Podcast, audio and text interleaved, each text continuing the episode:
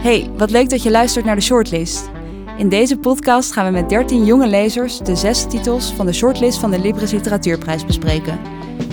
In deze aflevering praten Lotte en Anna over Mijn Lieve Gunsteling van Marieke Lucas Rijneveld.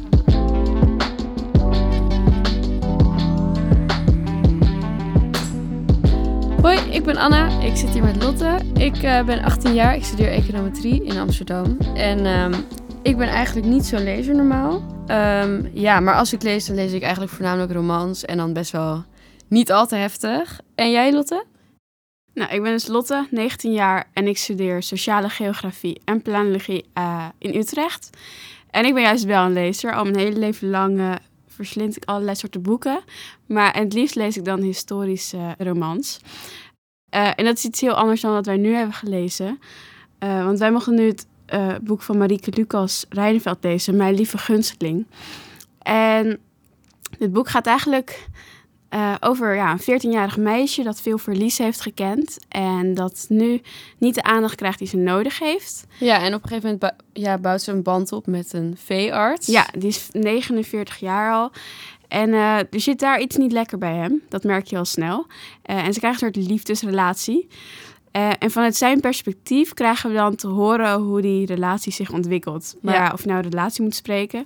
Het boek is vooral soms gruwelijk en intens en om te lezen, maar ook wel poëtisch mooi beschreven. Ja, wat, wat was jouw eerste indruk? Um, nou ja, ik begon, ik begon met lezen en ik moet eerlijk zeggen dat ik er een beetje tegen opzag, omdat het natuurlijk, ja, het is best wel een zwaar onderwerp. Dus ik was wel heel erg benieuwd hoe dat op mij over zou komen. Uh, en eigenlijk begon het al wel interessant, want ja, ze schrijft eigenlijk met heel weinig punten.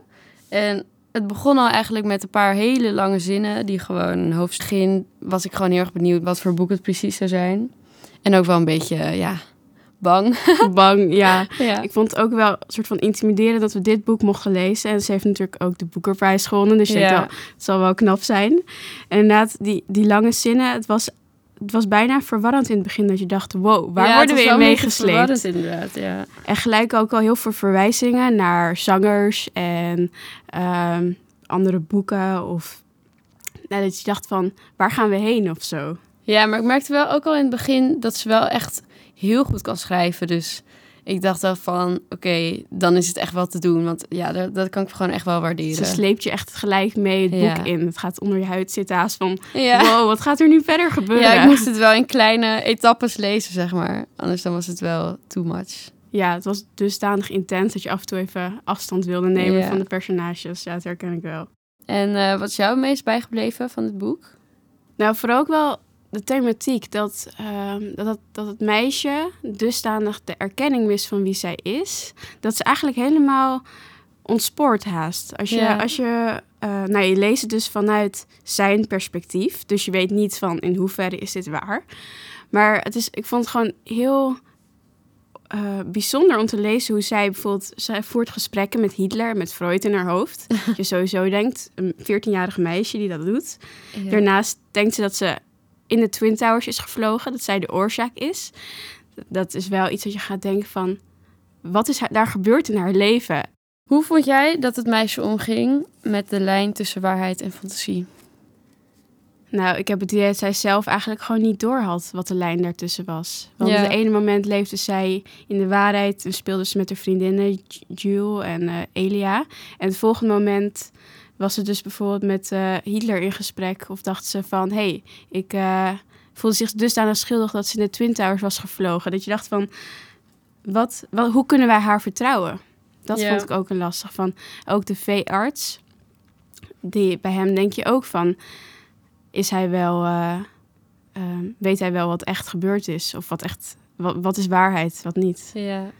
En jij, had jij, wat, wat vond jij ervan dat ze bijvoorbeeld met Hitler en met Freud praten? Um, nou, ik was wel verbaasd, want op sommige momenten komt ze veel jonger over dan ze is. En op sommige momenten juist weer veel ouder. Want dan zegt ze uit het niks een citaat van Freud, weet je wel. Dat ik denk van, wow, hoe, ja. hoe weet jij dat allemaal zo uit je hoofd? Ja, het andere moment is heel fragiel en kwetsbaar. En wil je er eigenlijk En een beetje een kindje nog. Ja, dat ze nog een Sesamstraat dekbed heeft. En wat vond jij van, ja, vond jij eigenlijk dat zij ook een beetje schuldig was aan de relatie tussen haar en de veearts. Want het is natuurlijk een beetje, ja, controversieel onderwerp. Een man van 49 en een meisje van 14. Ja. Ik heb wel het idee dat zij ergens... Ergens kon ze denk ik niets aan doen. Want bijvoorbeeld haar vader, die is gewoon best wel haar in de steek aan het laten. Of hij, hij geeft haar niet wat zij nodig heeft. De erkenning, de aandacht. Ehm, gewoon, hij is er niet voor haar. Waardoor zij ook geen... En ze heeft geen moeder, dus ze heeft geen voorbeeld. Dus wat, aan wie moet je dan vragen stellen? Er is eigenlijk niemand die haar... Niemand die een voorbeeld voor haar kan zijn. Maar aan de andere kant... Ja, ze gaat er wel mee in. En ergens voel je dat ze een soort tegenstribbelt. Maar uiteindelijk gaat ze nooit, geeft ze echt een grens aan. Dus ik vind het een heel lastige vraag. Want ook, want is die veearts in hoeverre is hij bijvoorbeeld mentaal ziek of is hij echt verantwoordelijk? Ja, ik denk dat het moeilijk is om, om te bepalen of de veearts ook een slachtoffer is of echt alleen maar. Want het is natuurlijk best wel een boek over een beetje. Het is niet heel erg zwart-wit van één iemand is slecht en één iemand is goed en dat is het zielige meisje. En die man doet iets heel slechts. Hij doet het haar aan omdat in het boek krijg je ook zijn kant van het verhaal natuurlijk te zien. Een soort haast een mentaal ziekte die hij zelf doorheeft. En hij heeft soms ook zegt hij van, ik moet nu stoppen, ik moet nu stoppen, ik mag je niet door laten gaan. Ja, ja. En dan toch is zijn, zijn verlangen of zijn drijfveer binnenin hem is zo sterk dat iedere keer toch weer dat soort van dat stemmetje zegt nee, dat is niet goed. Dan geeft ja, hij weer. Maar ik denk dat hij ook heel erg, heel erg iemand nodig had om van te houden of dat hij soort van zelf ook iemand nodig had. Dat natuurlijk dat meisje heeft gewoon heel erg liefde nodig en iemand die haar aandacht geeft, want dat krijgt ze niet thuis. Haar vader die is gewoon helemaal in zijn eigen wereld. Maar ik denk dat die man dat misschien ook een beetje heeft. Ik had soms ook wel een beetje medelijden met hem, want dat is natuurlijk een beetje moeilijk, want na zo'n boek wil je eigenlijk geen medelijden met hem hebben, maar dat heb je op bepaalde momenten wel een beetje. Dat ja, voor hem is het leven ook niet echt makkelijk geweest. Heb je ook het idee bijvoorbeeld dat ze allebei eigenlijk een soort leegte in hun leven hebben die ze proberen op te vullen. Ja, heel maar erg. Maar eigenlijk gaat het, dit werkt niet. Zo, ja, zo vul je niet op. Hij heeft ook heel veel nachtmerries. Hoe vond je trouwens dat uh, Marieke Lucas dat heeft beschreven? Al die, uh, gewoon überhaupt het hele boek met al die lange zinnen, maar ook hoe, kwam, hoe kwam het bij jou binnen? Uh, nou, soms best wel gedetailleerd. Te gedetailleerd. Ja, ja, ik vraag me dan ook wel af of ze, daar, of ze dat dan moeilijk vindt om te schrijven zelf. Maar het was, eh, ja, het schetst natuurlijk wel echt heel erg de situatie. En ja, ik denk dat het wel goed is, want het beschrijft natuurlijk een beetje het grijze gebied in het leven. Ik zou dit dan wat meer een no-go vinden, maar het is natuurlijk niet echt heel makkelijk. En dan helpt het natuurlijk wel als je veel details erbij geeft. Ja, dat mensen echt de twee, de twee kanten kunnen zien, zeg maar. Ja, je, je wordt als lezer best wel uitgedaagd om eens een ander perspectief aan te nemen. Iets dat ver buiten jou, in ieder geval ver buiten mijn comfortzone stond. Dat ik dacht van, dit, dit zou ik, uh, ik herken dit totaal niet of zo.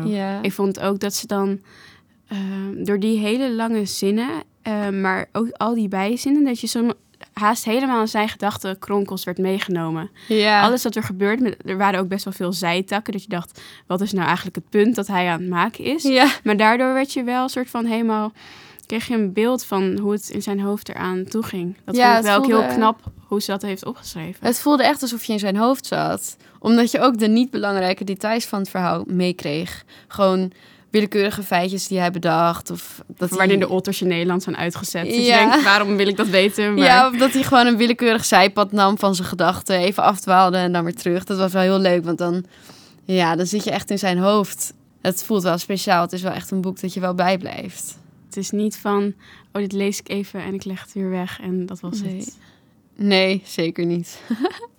ja, ik zou het ook misschien niet in één keer helemaal uitlezen, want het is wel echt intens. En normaal lees ik altijd voor het slapen gaan, maar dit boek heb ik niet voor het slapen gaan gelezen. Nee, ik ook niet. Maar ik vind het wel een heel interessant onderwerp. Het is wel heel heftig. Ik zou het uit mezelf nooit hebben uitgekozen voor mij om te lezen. Nee, ik ook niet. Maar ik ben wel heel blij dat ik het heb gelezen. Want ik vind sowieso het altijd al heel interessant. Wanneer is iemand een slecht persoon? Want is hij helemaal zelf ja, het monster in het verhaal? Dat is ook interessant dat ze natuurlijk... Marieke Lucas komt zelf uit een heel gereformeerd milieu. Maar dit boek merk je ook, het is... Uh, nou, er komen sowieso veel verwijzingen naar bijbelversen en stukken. En dat ze bijvoorbeeld met de dominee... Uh, um, nou, gesprekken heeft of zo. Maar je merkt ook dat het een bepaald milieu daar is, waar ook bijvoorbeeld weinig ruimte is om over bepaalde dingen te praten. Je denkt van, hebben ze wel de vrijheid überhaupt bijvoorbeeld? Zou zo'n dat meisje überhaupt de vrijheid hebben om vragen te stellen over wat normaal is? Of wat vragen die wij, wij, aan onze moeders kunnen stellen. Hoe interpreteerde jij de fascinatie die zij had met gewijtjes? Dat zij, ja, wilde ze, dat is een gewijtje in het boek dat wordt gebruikt om ja, het mannelijke geslachtsorgaan te beschrijven. En uh, ze wilde er heel graag één. Ja, ze wil heel graag vooral ook staand kunnen plassen. Dat fascineert haar. En ja, volgens mij wil ze ook een beetje een jongetje zijn. Ja, het lijkt wel alsof ze bijvoorbeeld haar broer wil zijn. Haar, de, de broer die is overleden. Dat ze...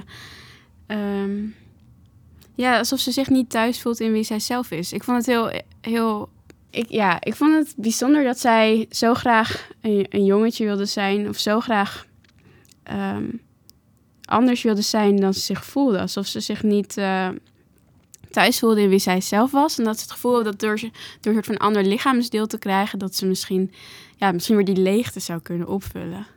Ja. Of interpreteer ja, jij het heel anders? Ja, nou, ik denk een beetje hetzelfde als jij. Ik denk ook dat het een beetje weer misschien terugkomt naar dat zij liever de dode wil zijn dan degene die achtergelaten is. Ik vond het vooral heel mooi dat zij op een gegeven moment zelf zegt uh, over de doden van een dode kan niet kapot zijn. Een dode is dood, niet meer dan dat. Degene die achterblijft is kapot in wel duizend stukjes. Ja, ik kreeg ook het idee dat zij eigenlijk liever dood wilde zijn dan dat ze kapot wilde overblijven. Zij dusdanig geraakt, gekwetst was dat ze niet meer, niet meer wist hoe ze verder moest. Ja, en ik denk dat dit misschien weer een soort van verwijzing is naar haar dode broertje. Dat ze eigenlijk liever hem wil zijn, omdat het hele leven bij hun thuis draait om hen. Om, om haar broertje. Ja, alles, alles. De hele sfeer die je ook die je soort van opmaakt uit het boek. Ja. Je merkt gewoon, er hangt gewoon een kilt. ja, gewoon een zwarte waas over het huis. Ja. En ik denk dat dat misschien ook bijdraagt aan haar wens om. Ik weet niet of ze echt een jongetje wil zijn of gewoon een gewijtje wil hebben. Maar ja, ik, ik interpreteer dat wel als dat ze misschien gewoon heel graag had gewild dat zij degene was die dood was gegaan, misschien. Zodat haar ouders over haar rouwden. In plaats van dat zij de aandacht zou krijgen. Zodat zij de aandacht zou krijgen in plaats van dat ze nu eigenlijk in de steek gelaten wordt. Ja, en volgens mij is zij ook gewoon heel erg gevoelig. Want ergens beschrijft ze dat ze bepaalde oorlogsfilms ging kijken. En dat ze dan dagen ook daar helemaal in meegesleept kon worden. Ja. Dus ik denk, volgens mij, zij voelt alles zo intens aan dat ze daardoor ook op een bepaalde manier misschien heel makkelijk is voor andere invloeden. Maar ook, ze, ja, ze, heeft, ze heeft meer nodig dan ze thuis krijgt. Ja, inderdaad. En daardoor, daardoor landt ze op een gegeven moment waarschijnlijk in die relatie. Ik vind dat ook wel moeilijk dat ze had zorgliefde nodig. Dat als, als die veearts zei van ik stop ermee, dan wilde ik het niet. Ik wilde het wel dat hij ermee stopte. Met soort van gewoon haar aandacht geven en zo. Maar tegelijkertijd wilde ik het niet, omdat ik dacht van, dan heeft ze echt helemaal niemand meer. Ze wilde het zelf volgens mij Terwijl dit natuurlijk... Ja, ze wilde dat zelf ook niet. Zij was zelf ook een beetje... Ze wilde niet dat hij haar verliet. Ze wilde ook niet dat hun relatie natuurlijk op de manier ging die hij dat eigenlijk wilde. Maar ja, als hij dan van plan was om ermee te stoppen, dan was ik tegelijk een beetje van: doe dat nou niet, want ze heeft echt iemand nodig die. Oh, dat had ik echt totaal haar aandacht geeft tegelijk, hè? Want tegelijkertijd is het natuurlijk niet echt de aandacht die zij nodig heeft. Ik dacht, jij stop, stop, stop. ik dacht, je moet niet doorgaan. Maar... Ja. Gewoon, het gaf best wel een dubbel gevoel. Zou je dit boek aanraden om voor iemand om te gaan lezen? Um, ergens wel en ergens niet. Ik vond het wel mooi, er staat een citaat in het boek. Het gaat dan over een boek van Stephen King. En ze zegt, uh, je wil het wegleggen en tegelijkertijd niet meer loslaten. Zo gruwelijk was alles. Dat had ik zelf een beetje met dit boek. Dat ergens, ergens trekt het je en je wil weten hoe gaat het nou aflopen. Dus, en het is ook gewoon ontzettend knap en mooi geschreven. Dus wat dat betreft zou ik zeggen, uh, lees het. Het is ook heel erg perspectief verbredend en het daagt ja. zelf uit om na te denken. Maar aan de andere kant, het was echt soms zo intens en gruwelijk dat je denkt, ik wil dit gewoon niet weten. En liever lees ik dit haast niet, zeg maar. Als je denkt van, ja tja, aan wie zou je dan aanraden? Dat vind ik vooral lastig. Ik denk iedereen kan het lezen, maar... Ja, nou ja, ik denk zeker dat het wel 18 plus is. ja, dat zou ik wel maar, eh, ik, ja, ik zou het iemand als ik zeker aanraden. Het is echt goed geschreven. Het is één groot gedicht. Nou, uh, Marieke Lucas is net bij ons aangeschoven, de, auteur van het boek. En eh, we gaan nu met haar ook praten over het boek. Hoe was het voor jou om dit boek te schrijven ten eerste? Um, nou, eigenlijk was het helemaal niet de bedoeling dat ik dit boek zou schrijven. Ik, ik was al heel lang bezig met een, uh, met een ander boek. Met wat het boek eigenlijk, dat mijn tweede boek zou moeten worden. En dat ging uh, over de waterstootramp. Um, dus echt, het is totaal anders. Ja. En ik was er al twee jaar mee bezig. En ineens, het was dus, ja, het was op Koningsdag, uh, Koningsdag dit jaar. En ik, ik, zat bij, ik was bij mensen op bezoek en ik zat, zat aan een tompoes. ik werd tompoes te eten en toen uh, zei, vroeg iemand van, wat was het toch met die veearts uit de avonds ongemak? En ik, ik dacht, ik, dacht eigenlijk meteen van, ik ben, ik ben met het verkeerde boek bezig. En ik ben gaan fietsen en meteen kwam die stem van die veearts kwam, kwam in mijn hoofd. En ik wist gelijk dat ik vanuit hem dit verhaal ook moest vertellen. En ik ben thuisgekomen, ik ben gaan schrijven. Ik ben eigenlijk niet meer gestopt. Want het is een. Ja, ik begon dus op Koningsdag. En um, ja, een half jaar later lag hij in de winkel. Wauw, dat was snel. Ja, dat is, ja dat is, het was eigenlijk. Het was niet. Um, ik had me niet voorgenomen dit verhaal te schrijven. Ik wist wel dat het ooit misschien zou komen, maar niet dat dat dit, dit moment was. Um, en het was ook best wel. Ja, het was wel ook wel ja, pittig om het te schrijven, omdat ik ook ik moest een beetje die veearts worden om het zo goed neer te kunnen zetten. En ik kon ook niet. Ik heb het ook in één stuk doorgeschreven. Ik kon ook niet. Dat zie je ook als je het leest. Dan staan in één hoofdstuk staan soms maar twee punten. Ja. Uh, en dat is echt. Ja. Uh, dat ik, ik okay, denk ook dus dat. dat is een beetje jou, maar ook een beetje de veearts. Want, ja, want je zegt, ja. je krijgt de stem van de veearts in je hoofd. Maar ben je dan ook helemaal een soort van in zijn huid gekropen om dat verhaal te schrijven? Of kon Ja. je nog wel een bepaalde afstand be bewaren? Nee, ik, ik, ik, ik, op sommige momenten. ehm, ik weet nog wel eens dat ik, dat ik na het schrijven dat ik, eh, dat ik ging zwemmen. Of, eh, want ik, ik wist dat het afzwemmen en schrijven en, en, en even naar buiten gaan. En dat ik dan eh, ging zwemmen, dat ik dan even dacht van... Wie, wie ben ik nu? Ben ik nu, ben ik nu Marieke Lucas of ben ik nu dat de veearts? was. Gewoon dat je Oh, zo ja. diep op iemand, in iemands huid kan kruipen... Ja. dat je het bijna overneemt. Als je, ja, vanuit de veearts keek ik naar het meisje en, en ook wel naar een, ja, een deel van, me, van mezelf natuurlijk. Want het zit in ieder boek zit wel iets van, van jezelf en in dit boek ook zeker. Dus ik keek ook vanuit de VS naar mezelf. En dat was ook wel Ja. heel vreemd soms. En, en, eh, en ik keek vanuit een oudere man naar een jonge meisje. En ik dacht altijd dat ik, dat ik vanuit het kindperspectief zou blijven schrijven. Dat ik nooit vanuit een volwassen iemand zou kunnen. Het leek me heel ingewikkeld. En nu is het toch een 49-jarige man geworden.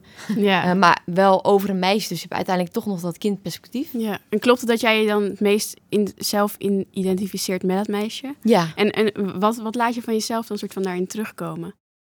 Nou, ik denk wel haar, haar blik op de wereld, haar onzekerheid, eh, de, de vrijheid die ze zoekt. Ehm, eh, ook de, de, de toomloze fantasie. d- dat herken ik wel in het, in Ja. het meisje. En, ehm, Leer je dan op een bepaalde manier ook dingen over jezelf? Als je zeg maar een soort van een derde perspectief op jezelf in een soort nou ja, vorm. Denkt Mm. dat je iets nieuws geopenbaard wordt of zo. Nou, vooral dat ik, ehm, dat ik me besefte, ja, dat, dat, dat het zo moeilijk is die. ehm, want als je nu ook praat over het, over het thema, is het. Eh, sommigen zeggen, sommigen noemen het bijvoorbeeld misbruik, maar ik noem het verboden liefde.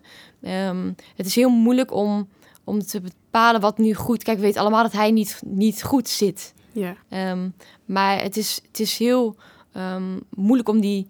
eh, omdat je ziet dat het meisje ook aangetrokken wordt tot hem of tot, tot de wereld die ze niet kent. En, en, en ehm, ja, eigenlijk zijn ze allebei een soort van slachtoffer. Ze, ze, ze, eh, Ja. En ze zoeken een, eh, ze, ja, een soort van macabere dans die ze met elkaar uitvoeren. En, en, en ik vond dat denk ik misschien wel het meeste wat me intrigeerde. En ehm, ook om me in die wereld van, van de veearts te ver- verdiepen, maar vooral van het meisje. En ehm, ja, om, om zo ver in haar fantasie mee te gaan. Ik denk dat ik de scène met de otter, Mhm. eh, nou ja, dan denk ik dat je ga ik wel weten. Dus dat, dat, ik denk dat, dat, dat, ik, dat, dat ik dat een van de scènes vond die vindt die. Ja, toen dacht ik ook van, oh, dit is echt, dit is echt fantastisch om te schrijven. Dat vond ik echt, vond ik echt een heerlijk stuk.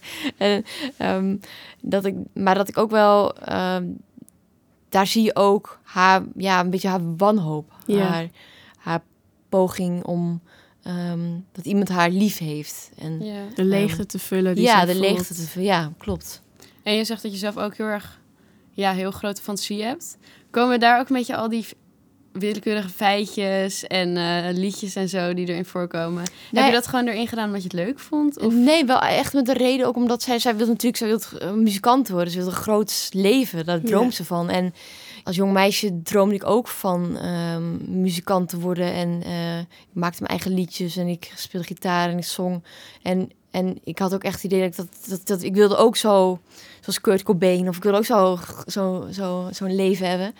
En um, dus toen ik, toen ik daarover schreef, dacht ik, uh, ja, ging natuurlijk heel veel over lezen. En al die, die, die weetjes vond ik echt fantastisch. En ik dacht, ja, dat is heerlijk om dat erin te stoppen. En ook om, omdat zij natuurlijk, je ziet dat de veearts ook um, langzaam in haar wereld kruipt door die, haar muzieksmaak over te nemen. Door de liedjes te draaien die zij, waar zij van houdt. Um, dus die muziek was heel belangrijk, want die, die, die, die, die bindt hen. En uh, ben je ook veel met het geloof bezig? Want in het boek uh, komt natuurlijk God en het geloof veel voor.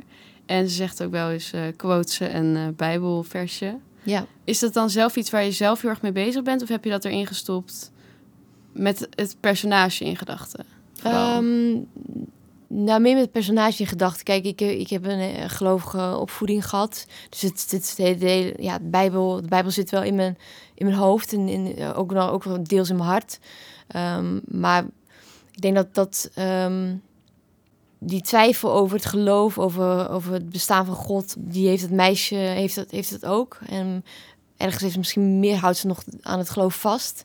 Ja, ik, ik kan het bijna niet loszien van mijn werk, omdat het ook zo, omdat ik het zelf ook zo meedraag. Ja. Ook al ga ik bijvoorbeeld nu niet naar de kerk of ik denk dat ik nog wel gelovig ben, maar dat ik het anders nu dan dat ik als kind uh, geloofde. Maar ik kan het, ik, ja, ik vind het, die, ook de taal en, en, en, en die Bijbelversie, die vind ik vaak zo mooi dat ik, dat ik het niet kan laten om het toch erin te stoppen. ja. Dat dan ook dat het een beetje haast soms poëtisch, dat je eigen schrijfstijl ook daar misschien op een bepaalde manier door gevormd is of zo. Ja, maar ja, absoluut. Ik ben me zeker mentaal zeker gevormd door de Bijbel, door door de Bijbel en door Harry Potter, denk ik. Ik denk dat dat, dat een mooie meest, combinatie. ja, de meest uh, goede combinatie. Uh, dus ik denk, ja, dat, dat kan ik ook niet los van elkaar zien. Ik, ik had alleen niet. Ik dacht eigenlijk, twee dingen mogen niet in mijn boek komen. Dat is uh, God en koeien. En, en allebei is het meteen mislukt. dat, is echt, uh, ja, dat zijn wel twee grote... ja, dat, ja. dat, ging gelijk mis. En ik, ik was eigenlijk heel goed bezig, omdat ik over de watersnoodramp aan het schrijven was.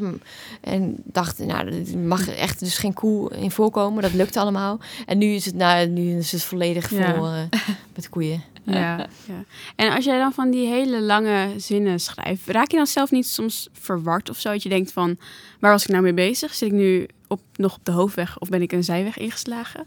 Nee, ik heb, ik heb, ik heb, um, ik heb ook helemaal niet. Ik heb geen één keer gehad dat ik dacht van nu ben ik het, nu ben ik het kwijt. Um, ik was alleen heel bang om het kwijt te raken. Dus ik denk dat ik daarom ook het boek zo snel geschreven heb en zo'n en in zo'n vlaag. Uh, want ik heb, ik heb er echt, um, ja wel, ja, ik heb er heel hard aan gewerkt. zou ik maar zeggen, ik was, en ik was zo bang om het kwijt te raken dat ik ook, dat ik niet, zoals bij een ander boek, dat ik even pauzes nam of dat ik even een paar weken niet eraan werkte. Of dat, dat kon gewoon bij dit niet. Ik kon niet, kon niet stoppen. Dat merk je en, ook wel echt in het boek, want ik dacht meteen al van deze veearts is zijn hart aan het luchten. Ja. Want hij is aan één keer door aan het praten. En het is wel mooi dat je dat dan eigenlijk zelf ook een beetje aan het doen was. Ja, het was echt en, en het is natuurlijk een hele obsessieve man. En die obsessiviteit zit ook in de taal en in, in, in, in, in de snelheid. Dus het, dus het past bij elkaar. En had je eigenlijk een intentie met het schrijven van dit boek? Had je een boodschap die je wilde overbrengen? Het, het, het was eigenlijk voor mezelf bedoeld. het was, het was, het was ik, ik, dacht toen ik het ging schrijven, en, en ik heb toen ook eigenlijk toen de eerste scène me opkwam na het fietsen, toen heb ik ook meteen mijn redacteur gemaild van ja, dit, komt er nu in me op, maar weet je, ik ben al dat tweede boek stond al aangekondigd. uh, dus het andere boek. Um, wat moet ik doen? En toen zei hij van nou, laat het, schrijf het anders als een soort dagboek. Houd gewoon, je schrijft ondertussen je andere boek verder en dan hou je het gewoon naast je. En dat was ook de bedoeling, dat het een soort van dagboek uh, zou worden. Uh, totdat ik ja, eigenlijk na twee hoofdstukken al merkte dat dit, al, dat dit me veel beter afging dan, me, dan het oorspronkelijke boek. Dus ik, ik, ja, ik kon het niet meer zien als een dagboek en ik kon het ook niet meer wegleggen. Um, maar ik denk dat, dat ik niet iets wilde laten zien aan de wereld, of, of, maar dat ik vooral ja, um, zelf wilde ontdekken hoe zo'n man en hoe zo'n meisje zich tot elkaar verhouden. Eigenlijk een onderzoek naar ja, het is eigenlijk een soort onderzoek. het karakter van de mens. Ja, hoe, hoe nou, hoe, hoe... Kijk, we hebben er allemaal ideeën over, over goed of fout. Ja. Maar hoe is het echt als je er echt in zit? Um, het is een, haast een soort perspectiefverbreding dat je de lezer meeneemt van bedenk eens wat gebeurt er aan de andere kant. Ja, want ik heb wel echt mensen ook gehad die zeiden van ja, eigenlijk maak je mij een beetje medeplichtig dat ik het heb gelezen en misschien wil ik hem helemaal eigenlijk, ik wil geen sympathie voor hem hebben, maar ik krijg het toch. Ja, en, precies, dat en, ik ook. Ja. En dat, dat, eigenlijk vind ik dat heel mooi, want dat is, kijk, als ik, als ik iemand had neergezet die vanaf pagina 1 uh, niet kon volgen, dan had het, dan had het, had het onderzoek ook niet, was het ook voor niets geweest.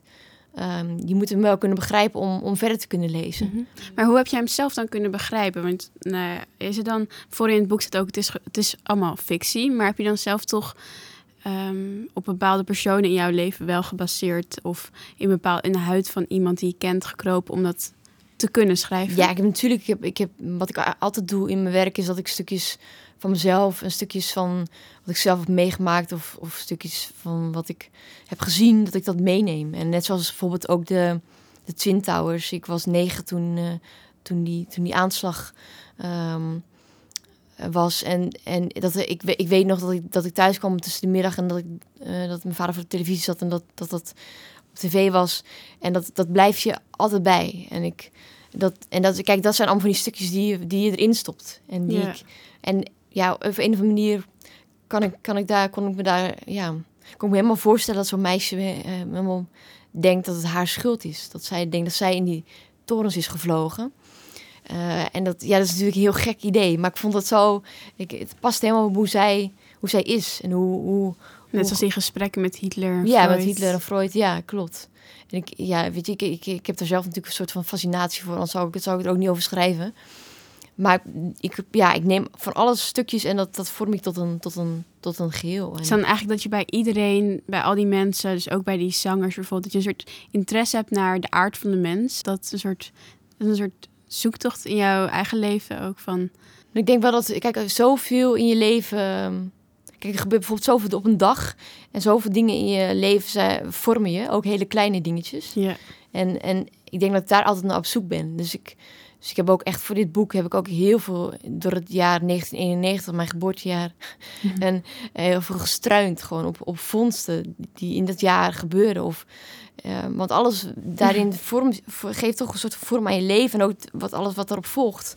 En dat vond ik, op een of andere manier kwam ook heel veel dingen gewoon juist uit. Ik was ook heel blij als er bijvoorbeeld in 1991 ergens een brug was ingestort. Want dan kon ik dat gewoon kon ik dat mooi gebruiken. Ja, dat klinkt heel Ja. erg hard, maar het was allemaal dat ik, dat ik dacht van, oh, alles komt zo mooi samen. Heb je Dus- daarom ook, ehm, want het boek speelde zich in de zomer van 2005, met een meisje natuurlijk 14, dus heb je dan expres haar hetzelfde geboortejaar gegeven Ja. als jezelf? Ja. Kijk, dat, had ik, eh, dat heb ik in de avondsongemak ook gedaan. Ik, ik weet niet, misschien groeien al mijn hoofdpersonages wel eh, eh, op in 1991, op 20 april. Eh, dat zou heel goed kunnen. Eh, maar ik, ja, ik, eh, ik- dat was niet, dat was helemaal niet de bedoeling. Maar ik denk dat ik bij de avondsongemak, ik denk dat ik gewoon nog niet klaar mee was. Dat het gewoon nog, nog een keer moest. Ja, maar dan met een andere Ja, vorm. maar dan een andere vorm, totaal andere vorm. Ik vraag me ook heel erg af, want je hebt je soort van ingebeeld in die veearts. Maar heb jij onderzoek gedaan naar, ja, hoe zeg je dat netjes? Mensen met pedofiele ja, neigingen. Heb je dat soort van echt geprobeerd om je daardoor in hun in te kunnen beelden? Of heb, is, komt Ja, het gewoon allemaal uit je fantasie? ik, ik denk dat ik het dat, dat heel veel dat ik me gewoon heel veel kan eh, voorstellen en heel veel kan fantaseren en en ik kan ook schrijven zonder dat ik dat ik denk van ja ik, ik kies een kant of ik ik heb echt echt ehm, binnen hem af laten dalen zonder dat ik daar iets van dacht of eh, want ik moest natuurlijk wel vrij zijn om het ook op te kunnen schrijven. Als ik het zelf niet zou kunnen schrijven, zou ook niemand het kunnen lezen. Ehm, dus ik denk dat ik daar wel. eh, de- het, het, het was niet, het, was niet, het is niet zo dat het me koud liet, want het was wel het meest intense schrijfproces wat ik, wat ik ooit heb gehad. Ook natuurlijk zo'n korte periode, maar ook zo intens. Ehm, Ben je dan ook iemand die een soort van het verhaal haast helemaal zich in beelden voor zich ziet? Of, of ben je wel iemand die gewoon de woorden laat vloeien? Dat Nee, ik zie alles. film in je hoofd. ja, ik zie alles. Ja. ja, doe dat dan ik ook loop iets echt met door je de village tijdens? en oh ja. eh, ehm, ja, ik zie, ik, zie, ik zie alles voor me. En ik, ik heb ook altijd wel, als ik ergens eh, over schrijf, altijd wel huizen in mijn hoofd. Van, van vroeger, van vriendinnetje bijvoorbeeld. Dat dan, wordt dan het huis waar de hoofdpersonage woont. Dus ik neem altijd wel iets in mijn hoofd wat ik, wat ik al ken. En is het dan heel... Want het is denk ik best wel heftig om sowieso zo'n boek te schrijven. Maar je kiest wel elke keer best wel heftige onderwerpen. Vind je dat dan echt leuk om daarover te schrijven? Kan je daar, word je daar zeg maar echt vrolijk van? Of vind je dat gewoon heel erg interessant? Het is maar de vraag wa- wat je, wat je heftig vindt. Want ik bedoel, kijk, het is natuurlijk het onderwerp is heftig, maar als je het leest, als je het leest, zit er ook heel veel lichtheid in. En dat doet de taal. En ik, ik ben heel erg op taal gericht natuurlijk. Ik, wil, ik ben een dichter ook, dus ik wil dat de taal mooi is en dat dat klopt. Dus ik kijk nog meer naar de taal dan, dan misschien naar de thematiek.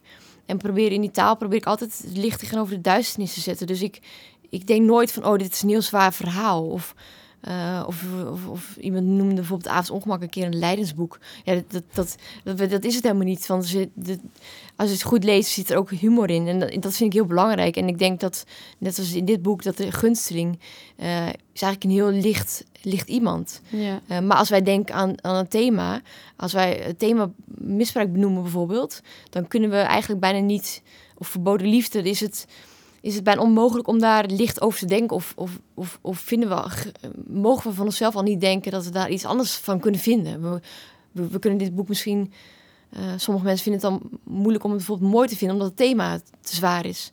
En dat vind ik jammer, want het gaat. ehm, ja, ik vind ook dat je het moet beoordelen op, op, hoe, ja, op de taal. En hoe, eh, juist op de taal en op de, op de lichtheid die er ook in zit.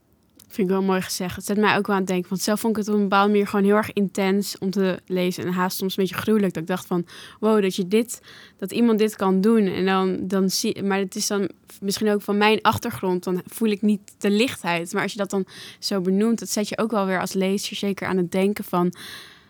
Wat voor blik ga ik de wereld in, zeg maar. En wij mensen zijn soms zo snel bevooroordeeld van... stop het maar weer in een hokje en doe maar van... Dit is, ja, eh, we willen het liever ook niet. We willen Nee. liever die, die onderwerpen willen we liever niet bespreken. Ja, nee. Nee, dat merk je ook in het boek. Ze bespreken het niet, maar daardoor gaat het juist nog erger mis. Ja. Zeker bij dat meisje Ja, zelf. Ja, Maar ik vond dat je het wel echt knap had gedaan. Want ik had het veel zwaarder verwacht. En nu heb ik het gelezen en ik vond het eigenlijk best wel meevallen. En ik dacht, hoe komt dat nou? Maar het is inderdaad wel, het is zo poëtisch geschreven... dat het echt iets heel erg moois ook erbij heeft. Of zo. dankjewel. Ja, alsjeblieft. ja, dat, dat, dat, kijk, dat, dat is voor mij natuurlijk, ja, dat hoop ik ook. Want die taal, dat houdt zo'n verhaal overeind. En dat vormt een verhaal en dat siert het ook. Dus daar richt ik me ook op. En dat probeer ik zo, zo mooi mogelijk en zo goed mogelijk te doen. En het moet passen bij de stem. Bij de stem van het personage. Kijk, je kan, Ja. een, ik kan een mooi verhaal schrijven, maar als het niet past bij, bij de leeftijd of bij het, bij het meisje of bij de veearts, dan, dan klopt het niet. En op een of andere manier ehm, ja, was die stem van die veearts gewoon heel duidelijk voor mij. En wist ik, ja, ik, ik had het nooit kunnen, als, je, als we het hebben over een zwaar boek, ik had het nooit kunnen vertellen vanuit meisje. Want dan was het inderdaad een zwaar boek geworden. Maar omdat de veearts ook, ook kijkt op zijn eigen, hij, hij kijkt continu naar zijn eigen handelen. En heeft daar Ja. allerlei eh gedachten over. Maar hij kan het, hij ziet wat hij doet, maar hij kan het niet stoppen. Ja. Ehm, en dat maakt dat je, dat je, ja, volgens mij ook dat je, dat je met hem mee kan gaan. Ja, je, Dat er wel een soort van geweten aanwezig is. Ja, dat hij het zelf ook ziet. Ja, Dat maakt het ja. wat minder lastig. ja, dat, Ja. ja. tenzij als je iemand opvoedt die, die, die gewetensloos handelt. eh, Dan ben je ja, dan- sneller aan het afstraffen van dit Ja. is sowieso slecht. en nu weet je het niet goed en dat is mo- moeilijker als lezer. Je hebt het over het taal is voor jou heel belangrijk. En vind je dan eigenlijk fijner om poëzie te schrijven of op een, roman te schrijven? Of... Nou, ik ben nu heel veel poëzie aan het schrijven. En dat, ehm, kijk, een roman is, is, is, ge- is gewoon ehm, ja, als je dat af hebt, dan is het, is het overweldigend. Dat is fantastisch. Ehm, maar bij een gedicht, dat, dat, ja, dat doe ik meestal een dag of heel soms twee dagen over. En dat is dan, ehm, ja, dan, dan het is een soort van kick wat je van gedichten krijgt. Als het dan, ik, ik kan er alles namelijk, omdat ik, ik heb niet... Kijk, als, de, de le- als een lezer poëzie ziet, dan, dan, dan denkt de lezer ook, het kan moeilijk worden. Want het is poëzie. Ja. Dus ze Ja. gaan heel ver mee. Als je een roman eh, koopt, dan wil je niet dat je bij de eerste bladzijde denkt van... ja, maar, maar, maar nou, ik weet het niet. Eh, dus je moet de lezer veel meer meenemen. En bij een gedicht eigenlijk niet. En ja, dan mag, dan mag alles. Dus dat vind ik heel leuk aan poëzie. Ja. ja, grappig. Heb dan ook een bepaalde doelgroep dat je denkt van ik hoop dat die mensen het echt gaan lezen?